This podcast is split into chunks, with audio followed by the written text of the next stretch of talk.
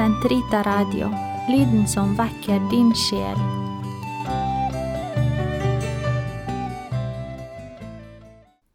Den katolske kirkes katekisme, uke 23, lørdag, paragraf 2064 til 2069.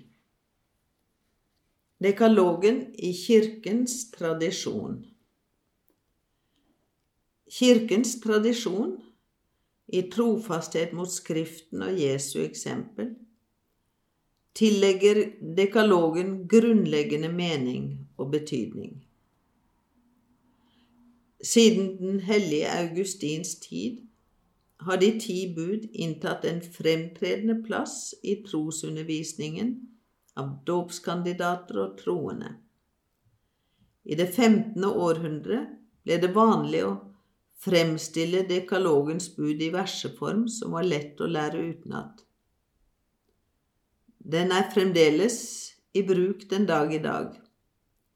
Kirkens katekismer har ofte fremstilt den kristne moral ved å følge rekkefølgen i de ti bud.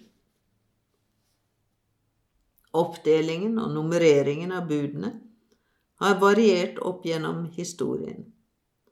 Denne katekismen følger den oppdelingen som ble foretatt av Sankt Augustin, og som er blitt vanlig i den katolske kirke. Den er også vanlig i de lutherske kirkesamfunn. De greske kirkefedre delte dem opp på en litt annen måte, som vi finner igjen i de ortodokse kirker og i de reformerte kirkesamfunn. De ti bud fremsetter krav om kjærlighet til Gud og nesten. De tre første omhandler fremfor alt kjærlighet til Gud, og de syv andre kjærlighet til nesten.